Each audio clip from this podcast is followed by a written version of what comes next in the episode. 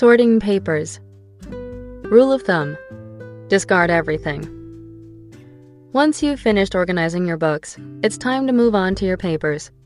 For example, the letter holder bursting with envelopes that hangs on your wall, the school announcement stuck to your fridge, the unanswered invitation to your school reunion lying by the phone, the newspapers that have accumulated on your table over the last few days. There are several spots within the house where papers tend to pile up like snowdrifts. Although the general assumption is that there are far fewer papers in the home than in the office, this is actually not true. The minimum amount of paper my clients discard or recycle is two 45 liter bags. The maximum, so far, is 15 bags. I don't know how many times I hear my clients' paper shredders jam. It is extremely difficult to manage such a large volume of paper, yet I occasionally meet some amazing clients whose filing skills take my breath away. When I ask, How are you managing your papers? their explanations are extremely thorough. Papers related to the children go in this file. That file there is my recipe file. Magazine clippings go in here, and manuals for my electric appliances go in this box. They have categorized their papers in such fine detail that my mind sometimes wanders off in the middle of their discourse. I confess, I hate filing papers. I never use multiple files or write labels. This system perhaps works better in an office setting where many people use the same documents, but there is absolutely no need to use such a detailed filing system in the home. My basic principle for sorting papers is to throw them all away. My clients are stunned when I say this, but there is nothing more annoying than papers. After all, they will never inspire joy, no matter how carefully you keep them. For this reason, I recommend you dispose of anything that does not fall into one of the three categories currently in use, needed for a limited period of time, or must be kept indefinitely. The term papers, by the way, does not include papers with sentimental value like old love letters or diaries. Attempting to sort these will slow down your pace drastically. Limit yourself at first to sorting papers that give you no thrill at all, and finish the job in one go. Letters from friends and lovers can be left for when you tackle sentimental items. Once you've gone through those papers that don't evoke any pleasure, what should you do with the ones that you've decided to keep? My filing method is extremely simple. I divide them into two categories papers to be saved and papers that need to be dealt with. Although my policy is to get rid of all papers, these are the only categories I make for those that can't be discarded. Letters requiring a reply, forms that need to be submitted, a newspaper that I intend to read, Make a special corner for papers like these that need to be dealt with. Make sure that you keep all such papers in one spot only. Never let them spread to other parts of the house. I recommend using a vertical organizer in which papers can be stored standing up and designating a specific place for it. All papers requiring attention can be placed in here without separating them. As for papers that must be saved, these I subdivide according to the frequency of use. Again, the way I divide them is not complicated. I organize them into infrequently used papers and more frequently used papers. Infrequently used papers include insurance policies, guarantees, and leases. Unfortunately, these must be kept automatically, regardless of the fact that they spark no particular joy in your heart. As you will almost never need to access papers in this category, you don't have to put a lot of effort into storing them. I recommend putting them all into a single ordinary clear plastic folder without worrying about further categorization. The other subcategory consists of papers that you will take out and look at more frequently, such as the outlines of seminars or newspaper clippings. These are meaningless unless they are stored in a way that's easy to access and read, which is why I recommend inserting them into the book like pages of a clear plastic file folder. This category is the trickiest of them all Although papers like this are not really necessary, they tend to multiply. Reducing the volume of this category is key to organizing your papers. Papers are organized into only three categories needs attention, should be saved, contractual documents, and should be saved, others. The point is to keep all papers in one category in the same container or folder, and to purposely refrain from subdividing them any further by content. In other words, you only need three containers or folders Don't forget that the needs attention box ought to be empty. If there are papers in it, be aware that this means you have left things undone in your life that require your attention. Although I have never managed to completely empty my needs attention box, this is the goal to which we should aspire. All about papers. How to organize troublesome papers. My basic policy is to discard all papers, but there are always going to be some that are hard to get rid of. Let's consider here how to tackle these. Lecture materials. Those who enjoy studying are quite likely to attend seminars or courses in various subjects, such as aromatherapy, logical thinking, or marketing. The recent trend in Japan is to utilize time in the early morning to take seminars. The content and time frame are broadening, giving people a wide choice. For the participants, the materials diligently produced by the lecturer are akin to a badge of honor, and as such they are hard to part with. But when I visit the homes of these ardent learners, I find that these materials usurp much of the room, making their space oppressive. One of my clients was a woman in her 30s who worked for an advertising company. The moment I entered her room, I felt like I was in an office. My eyes were assaulted by rows of files with carefully printed titles. These are all materials from the seminars I took, she told me. A self confessed seminar fanatic, she had saved and filed the materials from every seminar she had ever attended. People often insist, I want to restudy these materials sometime, but most never do so. Moreover, the majority of them usually have materials for multiple seminars on the same or similar subjects. Why? Because what they learned at the seminars did not stick. I am not saying this as a criticism, but merely to point out why it isn't worth keeping materials from past seminars. If the content is not put into practice, such courses are meaningless. A seminar's value begins the moment we start attending, and the key to extracting the full value is putting what we learn there into practice the moment the course ends. Why do people pay expensive fees for such courses when they can read the same content in a book or elsewhere? Because they want to feel the passion of the teacher and experience that learning environment. Thus, the real material is the seminar itself, and it must be experienced live. When you attend a seminar, do so with a resolve to part with every handout distributed. If you regret recycling it, take the same seminar again, and this time apply the learning. It's paradoxical, but I believe that precisely because we hang on to such materials, we fail to put what we learn into practice. The biggest collection of seminar materials I have come across so far was 199 files. Needless to say, I had her discard every single one. Credit card statements. Another thing to discard are all your credit card statements. What is their purpose? For most people, they are simply the means of checking how much money was spent on what during a particular month. So, once you've checked the content to confirm that it's correct and have recorded the figure in your household account book, the statement has fulfilled its purpose and you should discard it. Trust me, you need feel no guilt at all.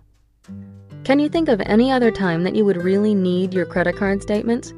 Do you imagine that you might need them for a court case to prove how much was withdrawn? That's not going to happen, so there is no need to treasure these statements for the rest of your life. The same is true for notices of withdrawals from your account to pay utility fees. Be resolute and take this opportunity to get rid of them. Of all my clients, the ones who had the hardest time disposing of papers were a couple, both of whom were lawyers. They kept asking, What if this document is needed in court?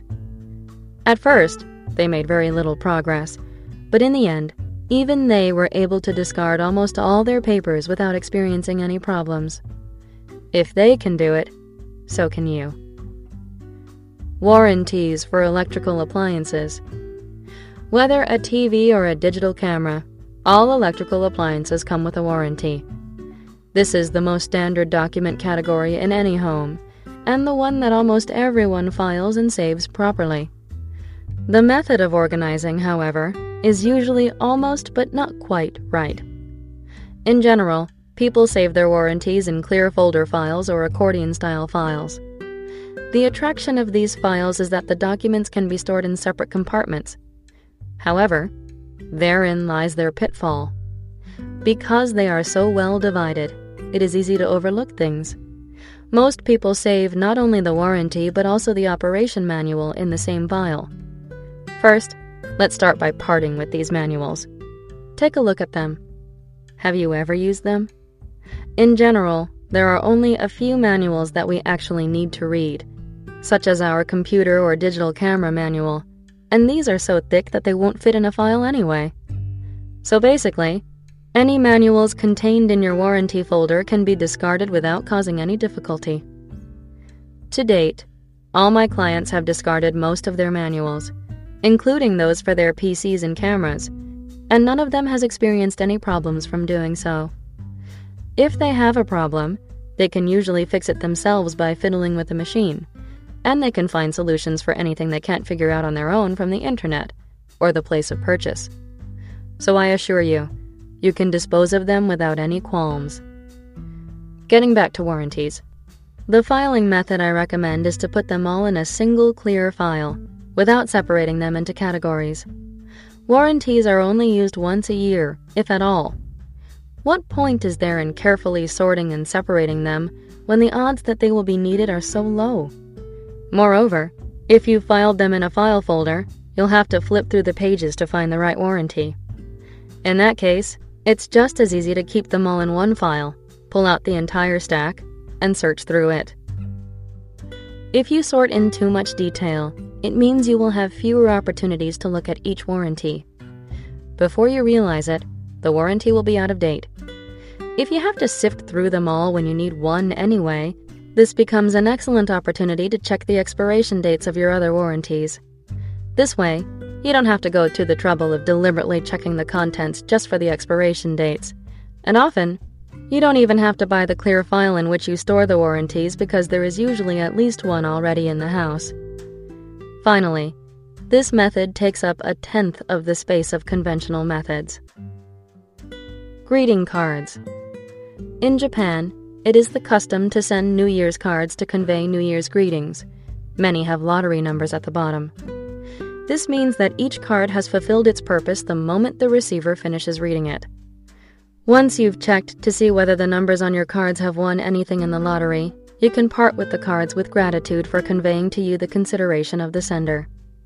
If you save the cards to confirm the sending address for the following year, then only save one year's worth. Dispense with those that are two or more years old, except those that spark joy in your heart. Used checkbooks. Used checkbooks are just that used. You're not going to look at them again. And even if you do, it won't increase the amount of money in the bank. So, really, get rid of them. Payslips. The purpose of your payslip is to inform you how much you have been paid for this month. Once you've checked the content, its usefulness is over. Komono. Miscellaneous items. Keep things because you love them, not just because. I pull out a drawer in my client's home and discover a strange little box, just waiting to be opened, like a tantalizing book that promises some fascinating tale. But for me, there is no excitement whatsoever. I know exactly what I'll find inside loose change, hairpins, erasers, spare buttons, wristwatch parts batteries that may or may not be dead, leftover medicine, lucky charms, key rings, and the list goes on. I already know what the client's answer will be if I ask why these things are in that box. Just because. Many items within the home are treated in the same way. They are placed, stored, and accumulate just because, without our giving them much thought. I call this category komono, a Japanese term that the dictionary defines variously as small articles, miscellaneous items, accessories, gadgets or small tools, parts or attachments, an insignificant person, small fry. It's no wonder people don't know what to do with things that fall into such a vague and all encompassing category. Still, it's time to bid farewell to this just because approach. These items play an important part in supporting your lifestyle, and therefore they too deserve to be handled one by one and sorted properly. Unlike clothes or books, this category includes a diverse range of items, and the thought of trying to sort and organize them may seem daunting. If you deal with them in the proper order, however, this task is actually quite simple. The basic order for sorting komono is as follows 1. CDs, DVDs. 2 skincare products. 3. Makeup. 4. Accessories. 5. Valuables, passports, credit cards, etc. 6. Electrical equipment and appliances, digital cameras, electric cords, anything that seems vaguely electric. 7. Household equipment, stationery and writing materials, sewing kits, etc. 8. Household supplies, expendables like medicine, detergents, tissues, etc. 9. Kitchen goods, food supplies, spatulas, pots, blenders, etc. 10. Other. Spare change, figurines, etc. If you have many items related to a particular interest or hobby, such as ski equipment or tea ceremony articles, treat these as a single subcategory. I recommend this particular order because it is easier if you start with more personal items and clearly defined content first. If you live alone, you don't really need to worry about the order as long as you do one subcategory at a time. Too many people live surrounded by things they don't need, just because. I urge you to take stock of your komono and save only, and I mean only, those that bring you joy. Common types of komono Disposables. A surprising number of things are instantly identifiable as disposable without even asking, Does this spark joy? I have already pointed out how important it is to relinquish the things that you find it hard to part with. It is equally important when putting your house in order to actually notice the things you have kept, for no particular reason.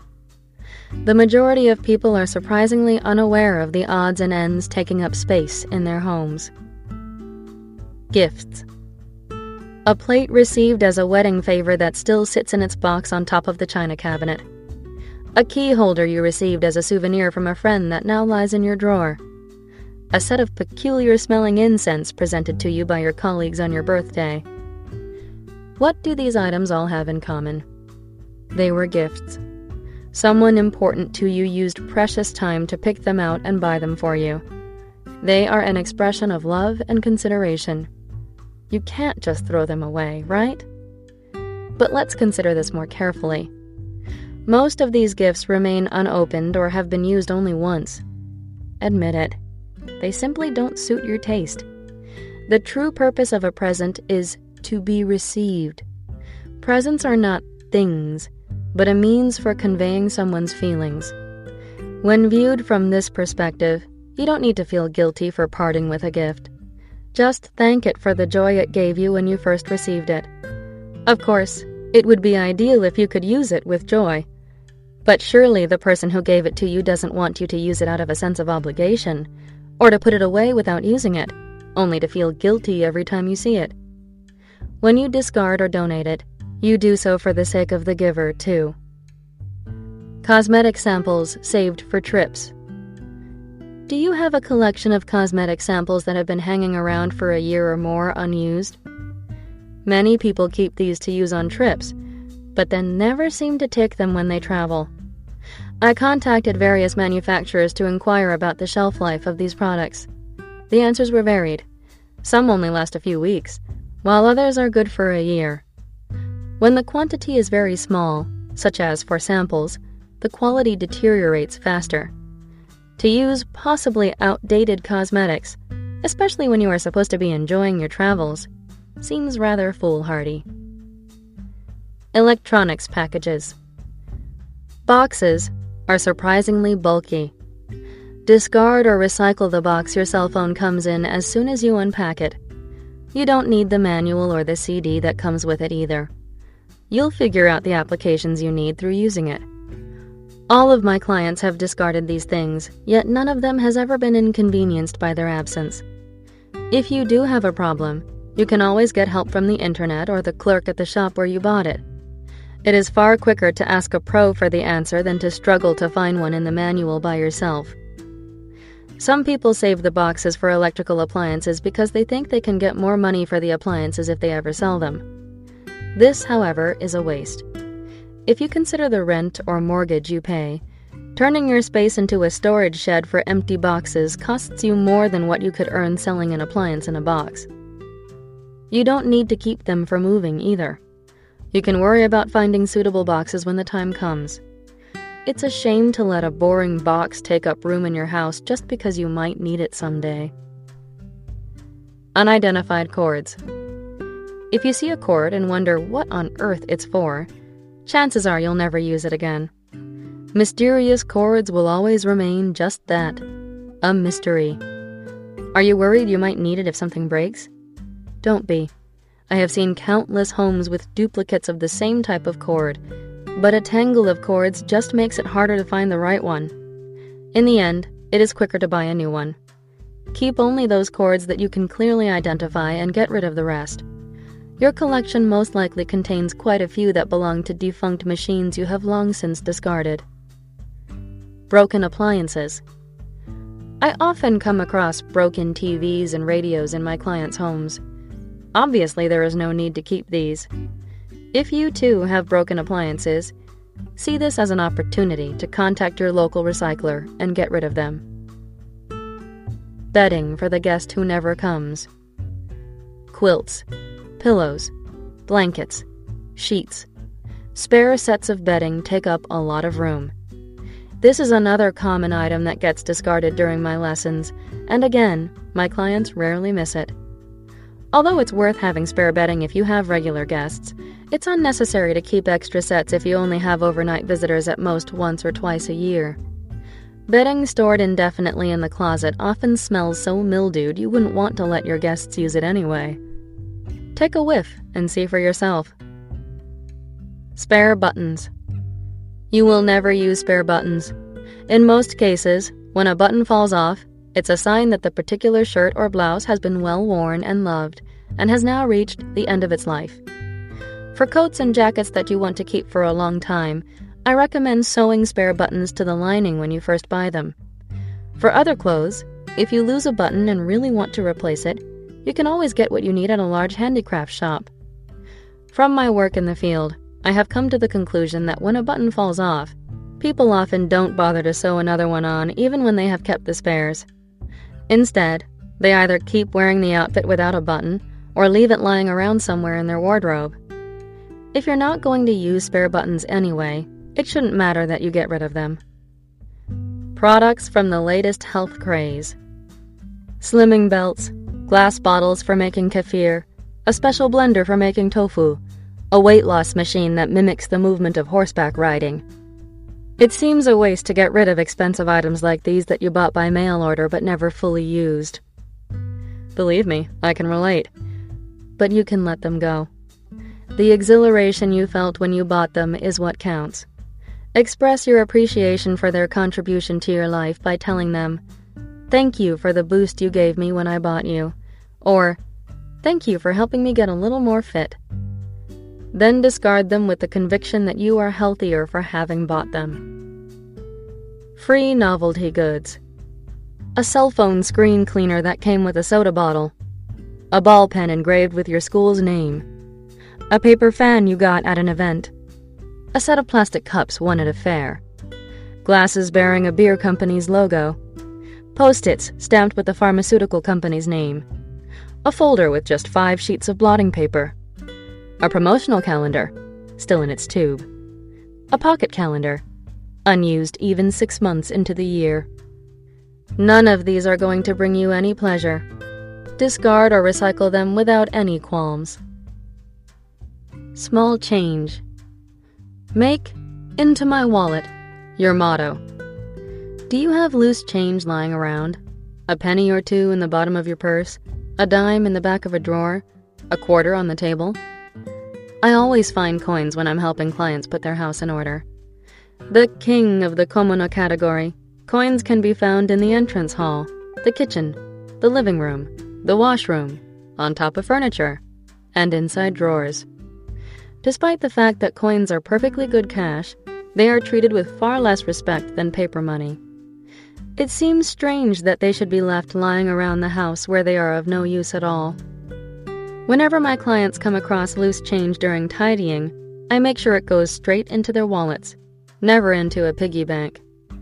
Unlike the other categories, you don't need to gather coins from every part of the house. Instead, just pop them into your wallet whenever you stumble on them. If you put them in a piggy bank, you are simply transferring the place where they will be ignored. People who have lived in the same house for a long time are particularly prone to forgetting about their little cache of coins. Frankly, no one I've met who saved pennies without a clear purpose has ever actually used them.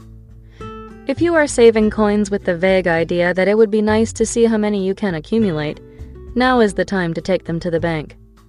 The longer you wait, the heavier your cash will be, and the more bother to take it to the bank. I have also noticed that for some unfathomable reason, many of my clients start saving coins in bags when their piggy bank is full.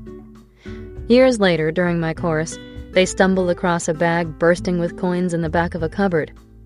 By that time, it is pungent with the smell of rust and mold. The coins are discolored, and they make a dull clinking sound instead of jingling.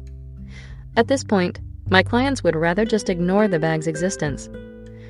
Writing this description is hard enough, but to actually see these coins, stripped of their dignity as money, is heartrending. I beg you to rescue those forgotten coins wasting away in your home by adopting the motto, Into my wallet. Sentimental items. Your parents' home is not a haven for mementos. Now that you have organized your clothes, books, papers, and komono, you can finally tackle the last category items that have sentimental value. I leave this for last because these are the hardest things to discard. Just as the word implies, mementos are reminders of a time when these items gave us joy. The thought of disposing of them sparks the fear that we'll lose those precious memories along with them. But you don't need to worry. Truly precious memories will never vanish, even if you discard the objects associated with them. When you think about your future, is it worth keeping mementos of things that you would otherwise forget? We live in the present. No matter how wonderful things used to be, we cannot live in the past. The joy and excitement we feel here and now are more important. So, once again, the way to decide what to keep is to pick up each item and ask yourself, does this spark joy? Let me tell you about a client of mine whom I'll call A. She was a 30 year old mother of two in a five member household. When I visited her house for our second session, it was obvious that the number of things in her home had decreased. You really worked hard, I said. It looks like you must have gotten rid of about 30 bags worth of stuff. Looking very pleased, she said, Yes, I did. I sent all my keepsakes to my mother's place.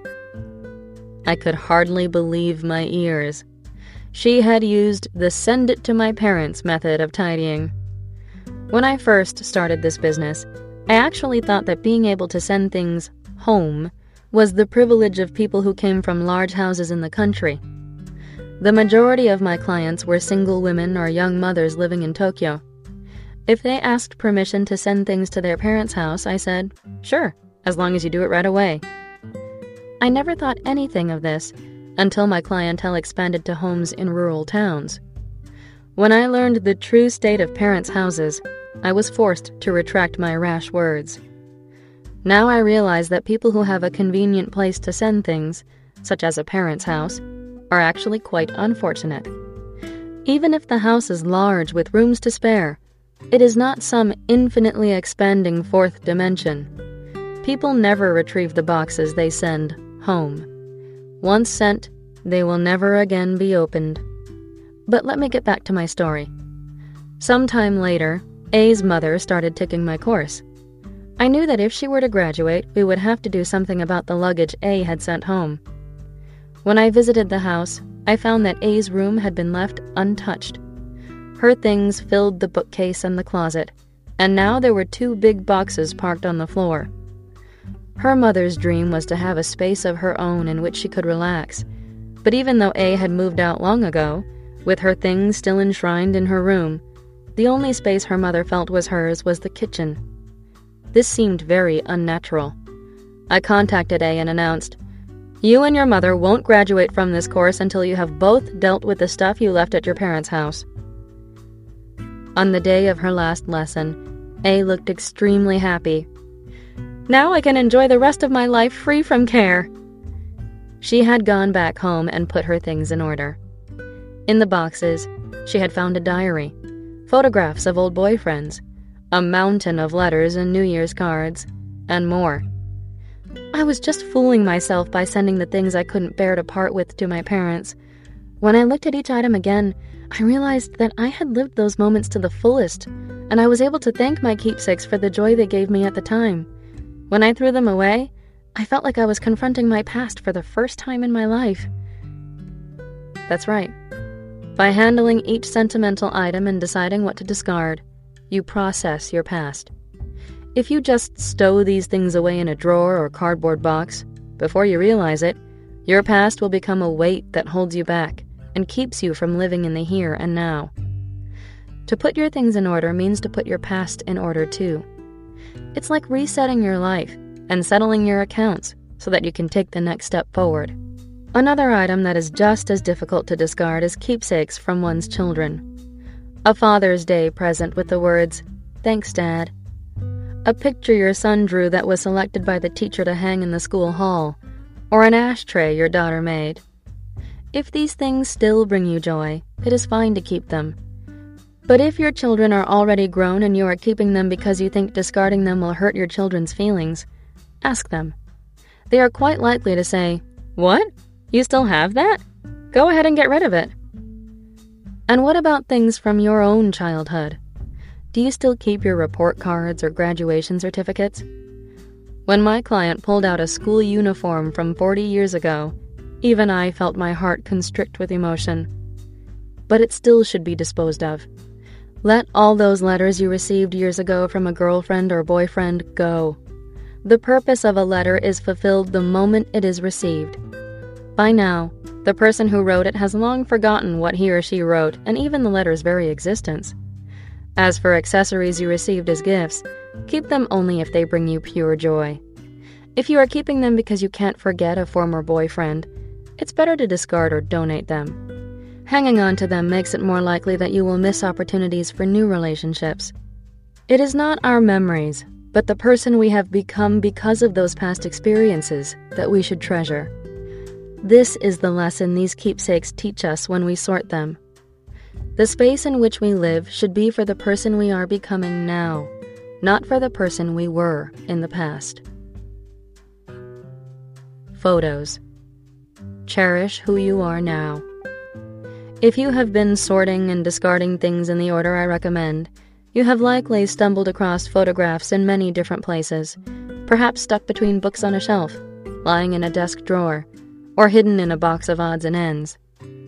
While many may already have been in albums, I'm sure you found the odd photo or two enclosed with a letter, or still encased in the envelope from the photo shop. I don't know why so many people leave photos in these envelopes. Because photos tend to emerge from the most unexpected places when we are sorting other categories, it is much more efficient to put them in a designated spot every time you find one and deal with them all at the very end. There is a good reason to leave photos for last.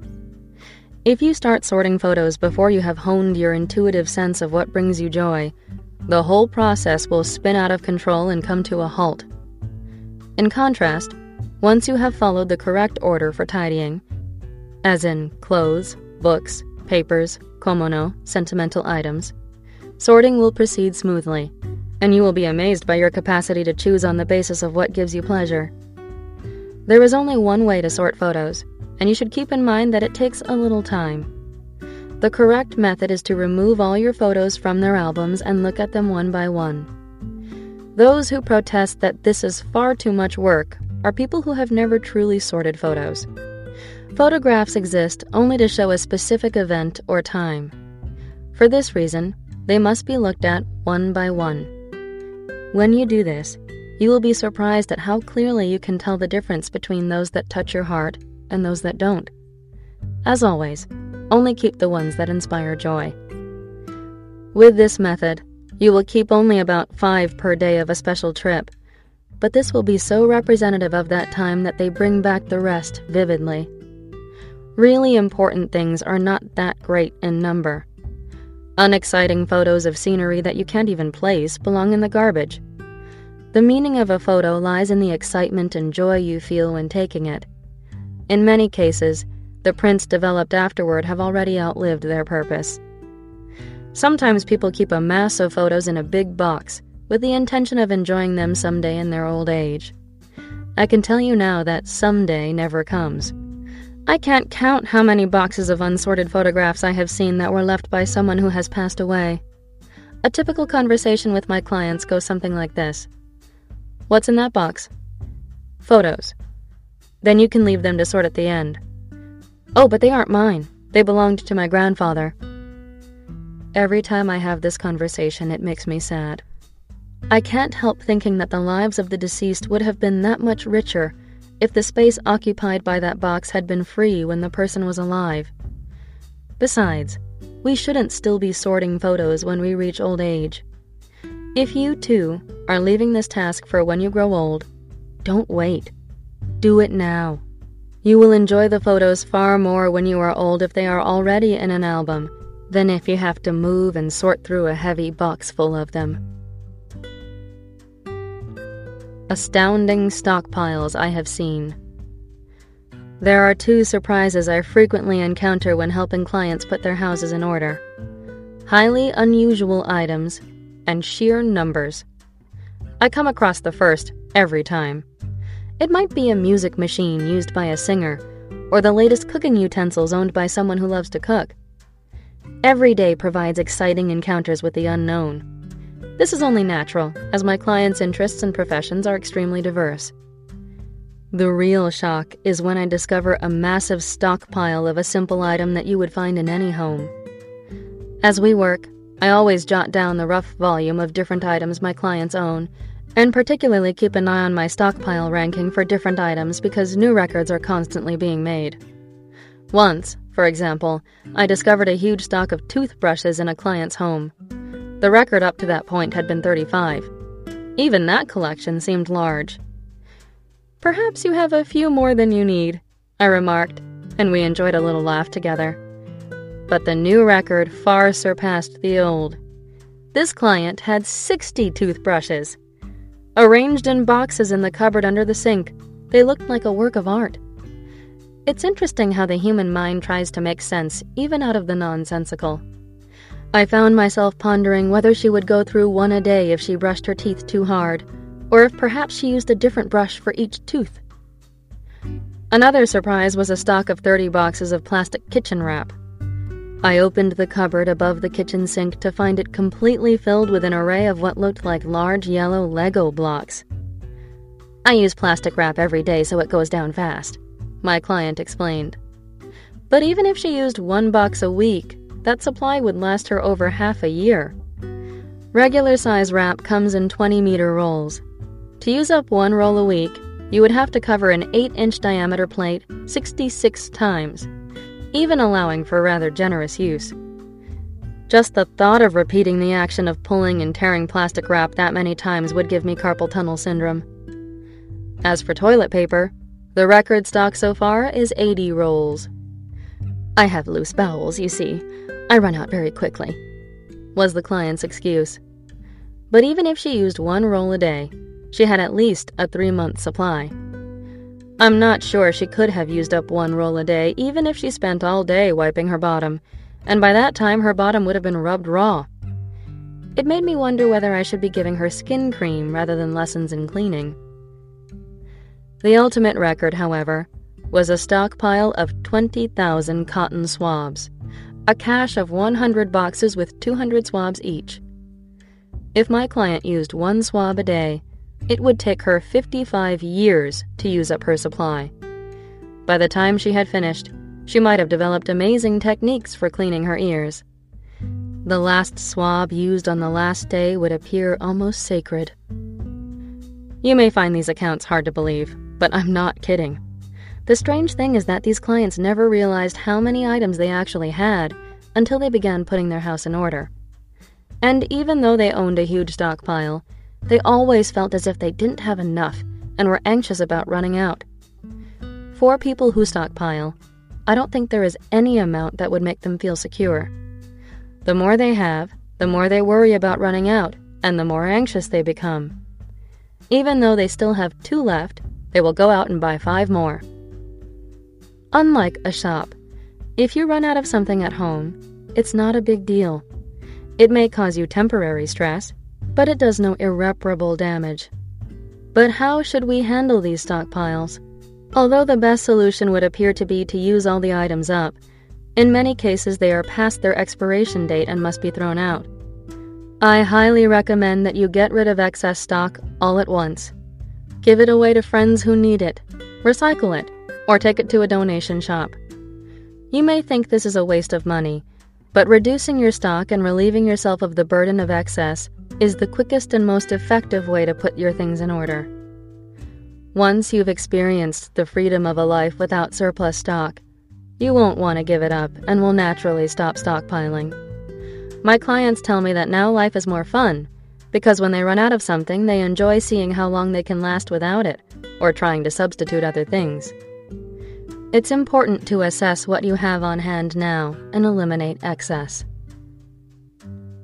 Reduce until you reach the point where something clicks. Sort by category, in the correct order, and keep only those things that inspire joy. Do this thoroughly and quickly, all in one go. If you follow this advice, you will dramatically reduce the volume of things you own, experience an exhilaration you have never known before, and gain confidence in your life. What is the perfect amount of possessions? I think that most people don't know. If you have lived in Japan or the United States all your life, you have almost certainly been surrounded by far more than you need. This makes it hard for many people to imagine how much they need to live comfortably. As you reduce your belongings through the process of tidying, you will come to a point where you suddenly know how much is just right for you you will feel it as clearly as if something has clicked inside your head and said, Ah, this is just the amount I need to live comfortably. This is all I need to be happy. I don't need anything more. The satisfaction that envelops your whole being at that point is palpable. I call this the just right click point. Interestingly, once you have passed this point, you'll find that the amount you own never increases and that is precisely why you will never rebound. The click point differs from one person to another. For a shoe lover, it might be 100 pairs of shoes, while a book lover might not need anything but books. Some people, like me, have more loungewear than clothes for going out, while others may prefer to go naked in the home and therefore have no loungewear at all. You'd be surprised at how many fall into this latter category. As you put your house in order and decrease your possessions, you'll see what your true values are, what is really important to you in your life. But don't focus on reducing, or on efficient storage methods for that matter. Focus instead on choosing the things that inspire joy and on enjoying life according to your own standards. This is the true pleasure of tidying. If you have not yet felt a click, don't worry. You can still reduce. Tackle this job with confidence. Follow your intuition, and all will be well. Choose those things that spark joy when you touch them. Hang those clothes that would be happier on hangers.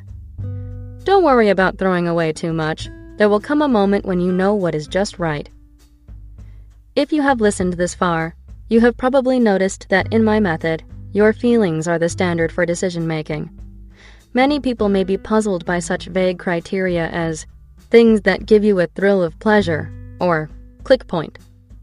The majority of methods give clearly defined numerical goals, such as discard anything you haven't used for two years, seven jackets and ten blouses is the perfect amount, get rid of one thing every time you buy something new. But I believe this is one reason these methods result in rebound. Even if these methods temporarily result in a tidy space, automatically following criteria proposed by others and based on their know how will have no lasting effect, unless their criteria happens to match your own standards of what feels right. Only you can know what kind of environment makes you feel happy. The act of picking up and choosing objects is extremely personal. To avoid rebound, you need to create your own tidying method with your own standards. This is precisely why it is so important to identify how you feel about each item you own. The fact that you possess a surplus of things that you can't bring yourself to discard doesn't mean that you are taking good care of them. In fact, it is quite the opposite. By paring down to the volume that you can properly handle, you revitalize your relationship with your belongings. Just because you dispose of something does not mean you give up past experiences or your identity. Through the process of selecting only those things that inspire joy, you can identify precisely what you love and what you need. When we honestly confront the things we own, they evoke many emotions within us. Those feelings are real. It is these emotions that give us the energy for living. Believe what your heart tells you when you ask, Does this spark joy? If you act on that intuition, you will be amazed at how things will begin to connect in your life and at the dramatic changes that follow.